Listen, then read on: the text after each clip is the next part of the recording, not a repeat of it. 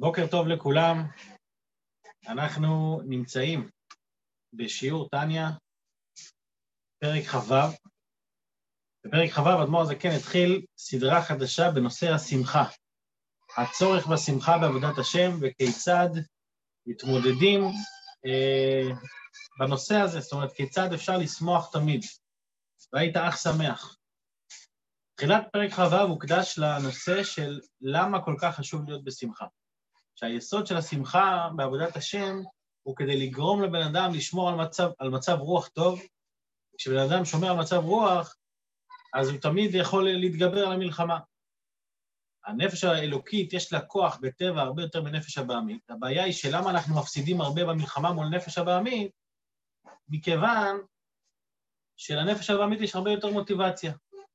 ומי שיש לו מוטיבציה, לא משנה אם הוא חלש יותר, הוא יכול לנצח יותר.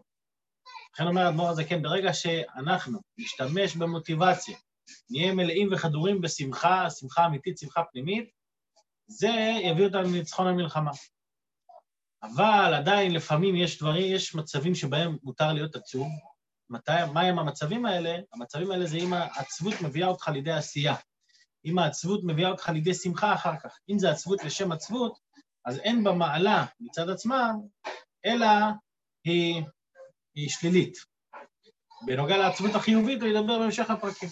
כעת, בהמשך הפרק, אדמו"ר הזה כן מתייחס לשתי בעיות שיכולות לצוץ, שבן אדם, בגלל הבעיות האלה, יכול להיכנס לעצבות. מהם הבעיות האלה? הבעיה הראשונה זה שבן אדם נתקל בקשיים בחיים. מה זאת אומרת קשיים בחיים? לא עלינו, לבן אדם קורא אסונות, עובר משברים. זה, מה, מה, מה, איך הוא צריך, איך אתה אומר לבן אדם? איך אתה אומר לבן אדם להיות בשמחה תמיד, כשעובר עליו זמנים לא, לא פשוטים? אנחנו כולנו מכירים את זה מהתקופה הזאת של הקורונה, שעוברים זמנים לא קלים, ובכל זאת אדמו"ר הזה כן אומר, גם בזמנים כאלה צריך להיות בשמחה. איך עושים את זה? זה השיעור של היום. בהמשך הפרק הוא גם מתייחס לעוד בעיה ש, שמתעוררת, שזה לא, לא עצבות מדברים אה, גשמיים שקורים לבן אדם, אלא עצבות ממצב נפשי מסוים. זאת אומרת, אני, אני רוצה לעבוד את השם, אני לא מצליח. בכל אופן, אנחנו נלך בשיעורים שלב אחרי שלב, ואנחנו נראה עוד רמה ועוד רמה, שהאדמו"ר הזה כן, כביכול כמו, כמו קליפות, מקלף לנו עוד קליפה ועוד קליפה, כדי שאדם יוכל לשמור על המצב הבסיסי שלו של להיות בשמחה תמיד. אז אנחנו נשתף את המסך ונצא לדרך לשיעור של היום, שיעור לא ארוך במיוחד, אבל מאוד מאוד יסודי ומאוד מאוד חשוב לחיים. אז יש לנו פה את נתניה. והנה, אחרי שאמרנו שצריך להיות בשמחה, אז מה עושים במצבים שלא הולך? והנה אומר האדמו"ר הזה, כן, עצה יעוצה לטהר ליבו מכל עצב ונדנות דאגה ממילי דעלמא. לאדם לפעמים יש עצב על משהו שקרה לו בעבר, או נדנוד שהוא, נדנות דאגה, שהוא חושש על העתיד, מה יהיה איתי בעתיד, ממילי דעלמא. מה זה מילי דעלמא? דברים שבעולם, דברים שקורים לאדם כל הזמן.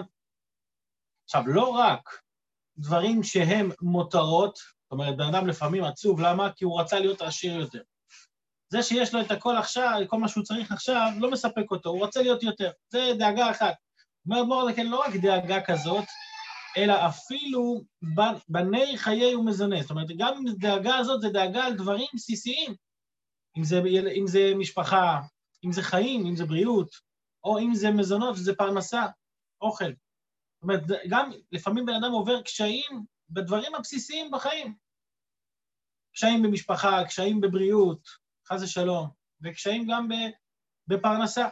אז איך בן אדם מתמודד עם שלושת סוגי הקשיים האלה? אומר אדמו"ר הזקן, מודעת זאת לכל, מאמר רבותינו זיכרונה לברכה, כשם שמברך על הטובה וכולי, כתוב בגמרא שחייב אדם לברך על הרעה כשם שמברך על הטובה. נשאלת השאלה, הברכה היא לא אותה ברכה. כשקורה לבן אדם משהו טוב, הוא מברך, הטוב, ברוך אתה השם אלוקינו מלך העולם הטוב והמיטיב. כשקורה לו משהו רע, הוא מברך, ברוך אתה השם דיין האמת. אז זו ברכה שונה לגמרי, אז איך, איך, איך אפשר להגיד בגמרא שחייב לברך על הרע כשם שמברך על הטובה?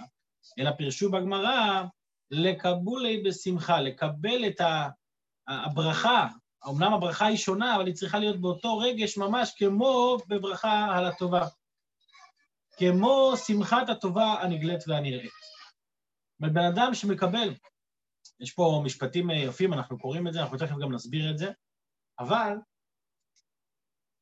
הנקודה הזאת שחייב אדם לברך על הרע כשם שמברך על הטובה, זו נקודה שהיא מצריכה הרבה הרבה מחשבה והרבה התבוננות. אנחנו מכירים את הסיפור, יצא לי לספר אותו כמה פעמים, לא במסגרת של השיעורים האלה, אבל יצא לי לספר את הסיפור הזה, שהיה פעם איזה רב אחד שכל הזמן היה חוזר על הגמרא הזאת, זה היה המוטו שלו בחיים. הוא אומר, חייב אדם לברך על הרע כשם שמברך על הטובה. זה היה המוטו בחיים. אז פעם אחת אותו, אותו רב היה גם איש עסקים. והיה לו הרבה אוניות, הוא היה סוחר עצים גדול. יום אחד היה לו עסקה מאוד מאוד גדולה, לקנות איזה יער שלם שעמד לכריתה, במחיר אפסי. והוא שלח את כל האוניות שלו, לקח הלוואות, משכנתאות, משכן את כל הרכוש שלו, כי זה היה עסקת חייו. לקנות את זה במחיר ממש בכלום כסף ולמכור, יהיה עשיר פי חמש. שלח את כל האוניות, באמצע הדרך, מה קרה לכל האוניות האלה? טבעו בים. לא נשאר לו כלום, לא רק שלא נשאר לו כלום, הבן אדם גם נהיה עני מרוד. עכשיו, חיפשו מישהו ש... שיסביר לו את זה. אז אחד התלמידים אמר, אני מוכן להתנדב. תלמיד נכנס אליו לחדר, אמר לו, כבוד הרב, יש לי שאלה, לא הבנתי משהו כתוב בגמרא, אני רוצה להבין. אומר לו, מה השאלה? הוא אומר, כתוב, חייב אדם לברך על הרע כשם שברך על הטובה. מה זה אומר? או, אז הרב התלהב, זה הנושא שלו. הוא מתחיל להסביר לו, זה חייב לברך על הרע, זה... כל רע שקורה לך זה בעצם טוב, אתה צריך לברך על הטוב, בקיצור, מסביר לו, מסביר לו, מסביר לו. אז הוא אומר, אבל לא מבין הרב, אם קורה לי משהו רע, אני גם צריך לשמוח? בטח, הפוך. אם קורה לך משהו רע, זה סימן שהקדוש אלוקים אוהב אותך, והוא מנסה אותך, אז אתה צריך. נותן לו ככה בראש. אז הוא ממשיך לשאול, אבל הפסדתי עכשיו באיזו עסקה. ככל שזה עולה, אז הרב מתלהב עוד יותר, מסביר לו עוד יותר. בסוף, בסוף, בסוף תמיד אומר לו, רגע, בואו ניקח למשל אה, אותך, הרב. אם נגיד עכשיו, כל הספינות שאתה שלחת עכשיו ל... לקחת את העצים, נגיד שהכל טובע. ואתה עכשיו נהיה בעל חוב למלא אנשים ואני מרוד. מה, מה צריך לעשות אז? הוא אומר, מה זאת אומרת? להתחיל לרקוד. אז הוא אומר לו, אתה יכול להתחיל לרקוד, האוניות שלך תבוא. באותו רגע הרב התעלף. אז כשהעירו אותו, אז הוא אמר, נראה לי שגם אני לא הבנתי את מה שכתוב בגמרא. זאת אומרת, אבל מה בכל זאת ננסה להבין? מה זאת אומרת חייב אדם לברך על הרע כשם שמברך על הטובה? לפעמים קורה לנו משהו שהוא לא טוב, כן? זה לא טוב. אובייקטיבית זה לא טוב. חס ושלום, בן אדם עובר תאונה, חס ושלום, מקרה רפואי. אז איך אפשר להגיד פתאום שהדבר הזה הוא דבר טוב? שזה האדמו"ר הזה כן בא ואומר ומסביר את הדבר הזה. זאת אומרת, עד כאן זה מה שכתוב בגמרא. אומר האדמו"ר הזה כן, כאן, אני בשורה פה, בשורה מתחילה הנגלית, כי גם זו לטובה. גם מה שקורה לאדם פה הוא לטובה, רק שאינה נגלית ונראית לעיני בשר. זאת אומרת, במושג שנקרא טוב, איך שאנחנו מגדירים טוב, ההגדרה הטוב שלנו היא מה שאנחנו רואים שהוא טוב. מה שנגלה לי לעיני בשר שהוא טוב, אז הוא טוב.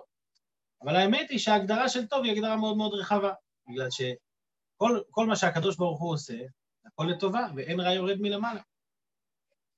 יש, יש אה, שני סיפורים שתמיד מספרים, אני אספר אותם בקצרה, כי הם מאוד מפורסמים. סיפור אחד על רבי עקיבא, סיפור אחד על, על נחום איש גמזו. רבי עקיבא כל דבר היה אומר, גם זו לטובה. כשקרה לו, היה לו מקרה עם החמור והתרנגול והנר, שכולם אה, מתו לו ונכבה לו הנר, בלילה כל דבר אמר גם זו לטובה. בסוף, בבוקר כשהוא התעורר, הסתבר לו שעברו קבוצת שודדים באזור, ואם היה לו חמור, תרנגול או נר, היו עולים עליו וגם אותו הורגים. אז הוא הבין שגם זו, שהוא הבין שהכל לטובה. איך פעם מישהו אמר? לא הכל טוב, אבל הכל לטובה. זאת אומרת, גם דברים לא טובים שקורים לנו, אנחנו לא מכירים מספיק את המפה הכללית כדי להבין שהם בעצם לטובתנו. אדם רואה, אדם רואה פאזל. הוא רואה חתיכה אחת מתוך פאזל ענק של אלף חלקים, ובחתיכה הזאת הוא רואה דם, או שהוא רואה אצבע, לא יודע מה, הוא רואה משהו מוזר, ואם הוא יתחיל לשפוט את הפאזל לפי החתיכה שעכשיו הגיעה לו ליד, אז הוא יגיד, בואנה, מה זה הפאזל הזה? זה פאזל אכזרי ביותר. אבל אם פתאום הוא ירכיב את כל הפאזל והוא יבין שהחתיכה הקטנה הזאת אומנם היא חתיכה שלילית, אבל בתוך המפה הכללית של הפאזל היא דבר טוב בעצם. כמו שפעם מישהו אמר, אתה עובר בבית רפואה, אתה שומע, אתה שומע קולות של כאבים וצרחות ולא יודע מה, בסוף אתה מבין שמה?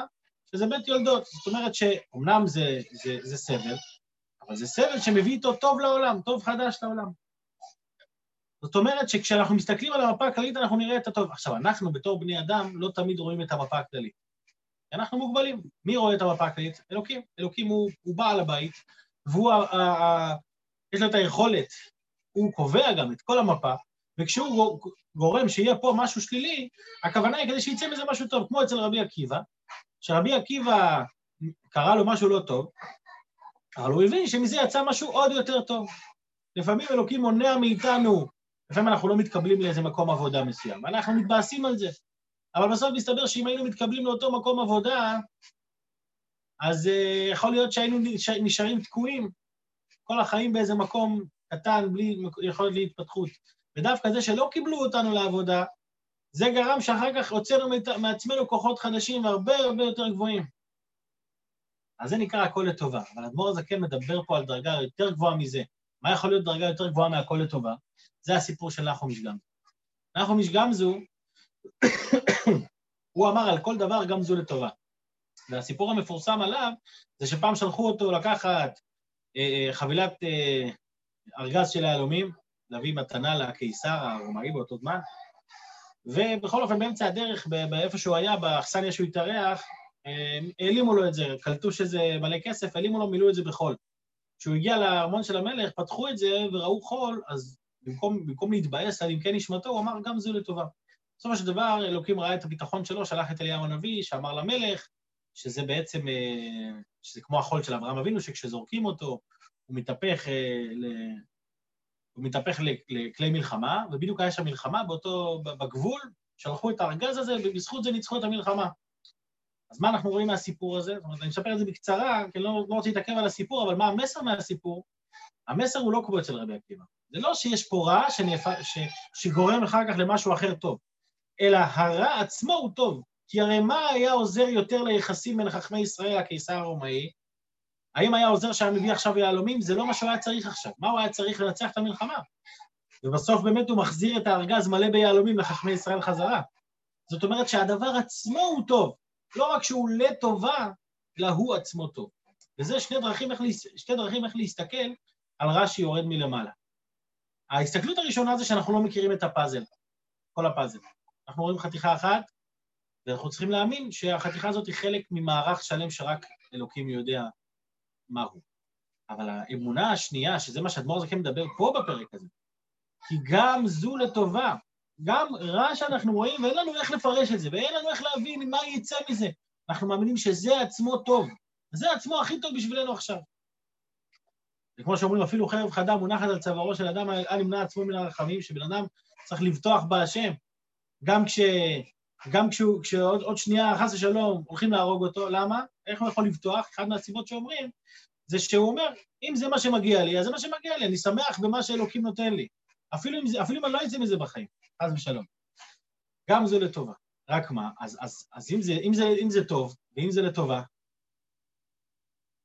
אז, אז, אז, אז איך באמת, לנו זה נראה, לנו זה נראה לא טוב. אם זה טוב, אז, אז למה, למה אני צריך להסביר שזה טוב? רק, אומר אדמו"ר הזקן, שאינה נגלית ונראית לעיני בשר. הטובה הזאת לא נראית לנו, כי היא מעלמא דאיטקסיה. הטובה הזאת מגיעה מעולמות מכוסים ברוחניות, שלמעלה מעלמא דאיטגליה, שהיא מעל העולמות הגלויים. והוא מסביר את זה עכשיו על פי קבלה, ניגע בזה בקטנה, שהוא ו' וה' משם הוויה, ברוך הוא. ועלמא דאיטקסיה, העולמות המכוסים, הוא י' והאות ה' של שם הוויה. זאת אומרת, יש לנו בשם הוויה, השם הקדוש של הקדוש ברוך הוא, יש את האותיות י', האות ה', האות ו' והאות ה'. עכשיו, שתי האותיות הראשונות, י' וה', הן נקראות אלמדית קאסי. למה? כי הם החלק העליון, שם הוויה באופן כללי הוא מעל העולמות. אנחנו יודעים שיש שם הוויה ושם אלוקים. שם אלוקים ממלא את העולמות, שם הוויה הוא סובב, סובב כל עלמין. אז הוא מעל העולמות. עכשיו, מעל העולמות עצמם גם יש שני חלקים. יש מעל העולמות שהוא יורד ומתלבש לעולמות, זאת אומרת, יש לו איזושהי שייכות לעולם הנמוך, ויש בלמעלה מהעולמות חלק שאפילו לא שייך לעולמות. זה ההבדל בין היוד וההי שבהתחלה לבין הוו וההי שבסוף. הוו וההא גם, מבחינת, גם מבחינת הספירות, זה המידות של הקדוש ברוך הוא. אני לא נכנס עכשיו לכל ההסבר, אני מאמין שבהמשך התניא אנחנו, אנחנו נראה את זה כבר יותר בהרחבה. אבל אני אומר את זה בגדול. בגדול, הוו וההא זה המידות, ששת הספירות וספירת המלכות, שהן אחראיות על מה? על ההתלבשות בעולמות. אז אמנם זה עדיין סובב כל עלמין, אבל יש להם שייכות לעולמות הנמוכים. י' וה' זה חוכמה ובינה, זה הכוחות השכל האלוקיים, זאת אומרת, אם זה באדם, זה איך שהאדם הוא לעצמו ולא כלפי הזולת, אז גם אצל הקדוש ברוך הוא, איך שאלוקים הוא לעצמו, לא כלפי זולת, לא כלפי בריאת העולמות. אז לכן זה נחשב, בגלל שהאדם הוא לעצמו, זה נחשב על עולם מכוסה. האדם, כשלפעמים אתה מסתכל על בן אדם, אתה רואה, אתה רואה משהו אחד, אבל בפנים משהו אחר מתחולל בתוכו. למה? כי הוא בעולם השכל שלו, הוא לעצמו. לעומת זאת, העולם הרגשות והמעשה, פה אתה רואה כבר את הבן אדם איכשהו כלפי הזולת. אז לכן היוד וההי זה עלמא דאיטקסיה, זה עולמות המכוסים. הוו וההי הם העולמות הגלויים, מה, ש, מה ששייך יותר להתגלות לנבראים. אז אומר אדמו"ר הזקן, הטוב הגלוי שבן אדם רואה טוב בעיניים, זה טוב שמגיע מעולמות הגלויים. אבל יש טוב שהוא טוב נסתר. לנו, בעיניים שלנו, הוא מגיע כרע. אבל ככל שאני רואה משהו שלילי, איך אומרים, ככל שזה יותר שלילי, כנראה שהשורש שלו יותר גבוה, ויש כלל שאומר, כל הגבוה הגבוה ביותר נופל למטה מטה ביותר, כמו בחומה. שאם אני מפיל חומה, אז האבן הכי, הכי עליונה בחומה תיפול הכי רחוק. כך גם בנושא הזה, כשמשהו שלילי קורה לי, ככל שזה יותר שלילי, כנראה שבשורש הגבוה שלו הוא יותר מעולמות מכוסים ברוחניות. וכאן הוא מביא עכשיו כמה פסוקים שמבטאים את הנקודה הזאת של ההבדל בין העולם המכוסה לעולם הגלוי, וזהו שכתוב, אני ממשיך לקרוא בפנים, וזהו שכתוב, אשרי הגבר אשר תייסרנו יודקה, אשר תייסרנו כ. מה, מה הוא מתכוון בזה? למה אשרי הגבר, זה פסוק בתהילים, כן, אבל למה אשרי הגבר, למה הוא מאושר אם, אם הוא מקבל איסורים? בגלל שהאיסורים שלו, זה מגיע מהדרגה של היוד וההי למעלה, שזה העולמות המכוסים, בגומר. ולכן אמרו רז"ל, מכאן מגיע, בגמרא יש, עכשיו מסכת סנהדרין, אני לא טועה, כי השמחים בייסורים, עליהם הכתוב אומר, ואוהביו כצאת השמש בגבורתו. זאת אומרת, יש מושג של שמחים בייסורים. מה זה שמחים בייסורים? בן אדם שמגיע אליו ייסורים, הוא לא רק עסוק בלהתלונן, אוי ויי, מה קורה איתי, אלא הוא אומר, אם אלוקים מביא עליי ייסורים, איזה ניסיון, כנראה שהוא מאמין בי, כנראה שהוא יודע שאני יכול לעמוד בזה, וכנראה שזה מה שטוב בשבילי עכשיו, לא רק יהיה לי מזה טוב, אלא זה מה שטוב לי עכשיו. ולכן, לכן הם נקראים, אותם אלה ששמחים, אגב, בגמרא שזה מופיע, הוא מופיע, שם אה, יש, יש שם ויכוחים בין התנאים, בין האמוראים, כל אחד אה, מתווכח כמה, כמה הקדוש ברוך הוא אוהב אותו יותר. אחד אומר, אותי אלוקים אוהב יותר, למה נהרג לי כך וכך, נהרג לי בן או משהו כזה, אני לא זוכר עכשיו את הגמרא. השני אומר לו, לי נהרגו עשרה בנים, ואני זה, ואני חולה, ממש, אנשים מתארים שם אה, זוועות שעברו עליהם, והם כביכול מתפארים בזה שאלוקים אוהב אותם יותר. זה דרגה, זה דרגה, כן? זה לא, לא כל אחד שייך לראות את זה כל הזמן, אבל לפחות שנדע שיש דבר כזה. לכן אומר, אמרו רבותינו זכרונה לברכה, שמחים בייסורים, עליהם הכתוב אומר, ואוהביו כצאת השמש בגבורתו. מה זה ואוהביו כצאת השמש בגבורתו? א', זה אוהביו, זה האוהבים של הקדוש ברוך הוא. כצאת השמש בגבורתו, כתוב, למה הוא מביא פה את צאת השמש בגבורתו? זה בהקשר למה שדיברנו קודם, לשם הוויה. כתוב, יש פסוק, כי שמש הוא מגן, השם אלוקים. שמש הוא מגן, הוויה ואלוקים. השמש זה כנגד שם הוויה, ומגן, המגן הנרתיק שמכסה על השמש, זה שם אלוקים. זאת אומרת, יש שם אלוקים שהוא מגן מפני השמש, שהוא דרגה, שהיא הדרגה שמתלבשת בעולמות, ויש שם הוויה שהיא השמש. עכשיו, יש מצבים שאדם מקבל את ההשפעה שלו משם אלוקים, מהשם שמתלבש בעולמות, אבל יש מצבים שבהם האדם מקבל משם הוויה ישירות. כמו שאמרנו, אשר, אשרי הגבר אשר תייסרנו, י' י' ק'. זאת אומרת, שהוא מקבל את זה ישירות משם הוויה. לכן על אוהביו כתוב כצאת השמש, שהשמש היא יוצאת, היא יוצאת מהנרתיק והמגן שלה, והיא באה לידי גילוי. ואיך הגילוי הזה מגיע? בגבורתו. יש השפעה של חסד, ויש השפעה של גבורה. חסד זה אומר חסד גלוי, שהאדם מרגיש את החסד, גבורה זה לא חסד גלוי. מה זה מידת הגבורה? זה מידת הדין. לפעמים, לפעמים פוגע, פוגע בבן אדם מידת הדין, אבל תדע לך, מידת הדין היא, היא גבורה, היא לא מהחסד, אבל השורש של הגבורה הוא משם ההוויה, הוא כצאת השמש. האור של השמש מתבטא דווקא במידת הגבורה. עכשיו, לעתיד לבוא, זה יבוא לידי גילוי. לעתיד לבוא, כש... לעתיד לבוא יראו את הגבורה, את המעלה של הגבורה, את השורש הנעלה שלה. היום, בזמן, בזמן שלנו, אז הגבורה מגיעה כגבורה, היא מגיעה כאיסורים, היא מגיעה כמשהו שלילי. אבל בפנימיות האדם צריך להתבונן ולדעת שזה שמגיע עליו מידת הגבורה, זה כי, כי מתגלה עליו אור אלוקי של צאת השמש, של שם הוויה בעצמו, בלי ההגנה של שם אלוקים. כי השמחה, בואו נראה את זה עכשיו בפנים. כי השמחה היא מאהבתו קרבת השם, שהאדם אוהב את ה... להיות קרוב לאלוקים יותר מכל חיי העולם הזה. כדכתיב כמו שכתוב, כי טוב חסדך מחיים, וגומר. בן אדם מבין את הערך, את המשמעות של להיות קשור לקדוש ברוך הוא, וזה חזק אצלו יותר מכל דבר.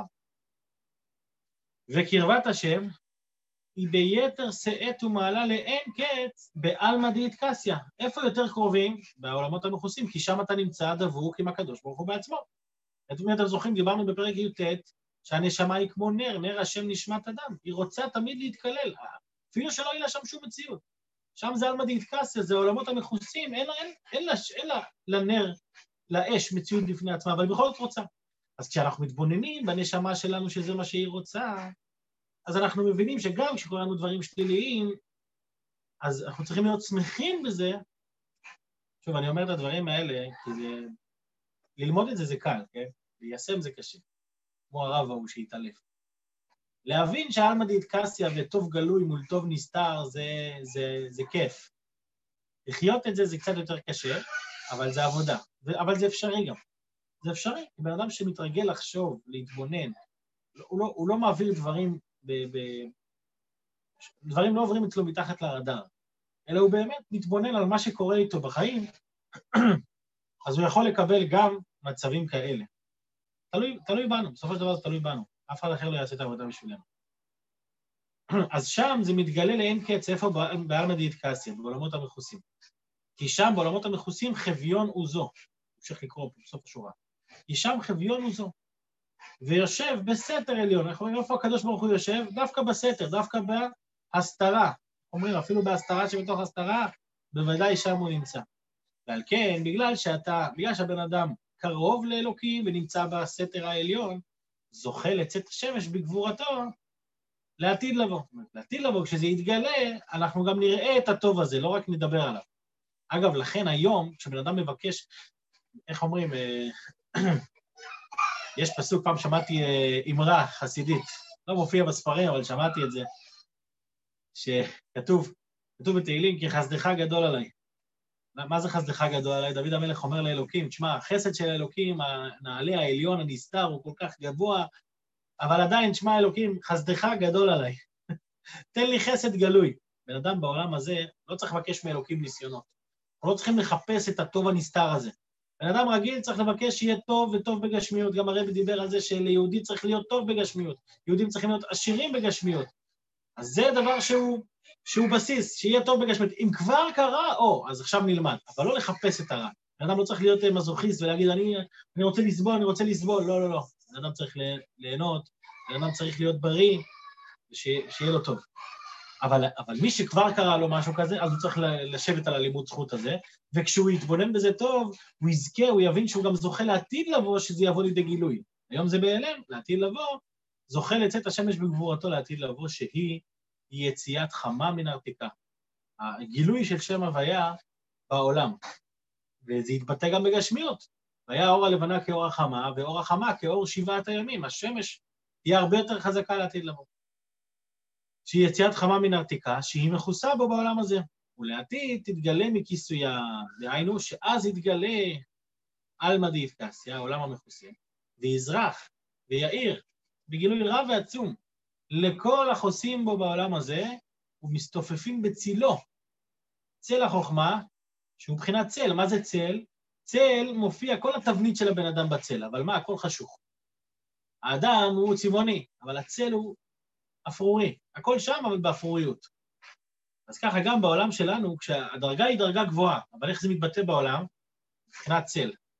לכן מה, מה כתוב? מסתופפים בצילו, בצילו של אלוקים. אתה מקבל את זה מבחינה, בהשפעה שלילית, צל החוכמה, שהוא מבחינת צל, ולא אורה וטובה נראית, ודי לה מבין. אז בעצם בנקודה הזאת, אדמו"ר הזקן סוגר לנו את הפינה של איך מתמודדים עם משברים, איך מתמודדים עם קשיים. אומר, על האדם להתבונן בכל, בכל יום ויום, להתבונן בכך איך שאין רע יורד מלמעלה, איך שהקדוש ברוך הוא הטוב וטבע הטוב להיטיב למרואיו. אלוקים מחפש את הטוב שלנו. לפעמים אני רואה את הטוב הזה, ולא רק לפעמים, אנחנו מתבוננים, אנחנו נראה את זה ביום-יום. אדם יכול לראות את זה בכל דבר ודבר שקורה לו, ללמוד להודות על מה שיש. אני קם בבוקר ואני אומר, מודה אני לפניך, המלך חי וקיים, שהחזרת בי נשמתי וחמלה רבה אמונתך, אנחנו מודים על מה שכבר קיים. אחרי שאני מודה על מה שכבר קיים, אני, כבר, אני גם מבין שגם מה שלא קיים, או גם מה שקיים בצורה שלילית, זה גם לטובתי בסופו של דבר. לפעמים אני זוכה לראות את זה, את מה שקורה מזה מעתיד, ולפעמים לא. אה? לא חייבים להיכנס ביחד. אבל הנקודה היא אותה נקודה. הנקודה, הנקודה היא אותה נקודה שהטוב הזה הוא קיים. רק מה, מאיפה הוא מגיע? הוא מגיע מעולם מכוסה יותר. ואנחנו על ידי התבוננות שלנו נגלה את זה, איך כתוב? כתוב שהגאולה תבוא על ידי מעשינו ועבודתנו. כשאנחנו נתבונן טוב ונראה איך שהדברים השליליים שקורים לנו הם חלק מהתוכנית האלוקית הטובה, זה גם יגרום שהגאולה תגיע. כשהגאולה תגיע אנחנו גם נראה את כל הטוב הזה, ו- ונדע גם אה, להעריך את כל, ש- את כל מה שקרה איתנו בזמן הגלות. בעזרת השם שלא נצטרך להתבונן יותר מדי, אלא שיהיה תמיד טוב לכולם, ובגשמיות, בפועל ממש, בבני, חיי, מזוני, במשפחה, בחיים, בזוגיות, בפרנסה, כל אחד מה שהוא צריך, בעזרת השם שיהיה רק טוב לכולם. יישר כוח לכל המשתתפים ויום אה, מוצלח, יום שמח לכולם. יישר כוח, יום מוצלח, יום נעים. שקויה. Ja.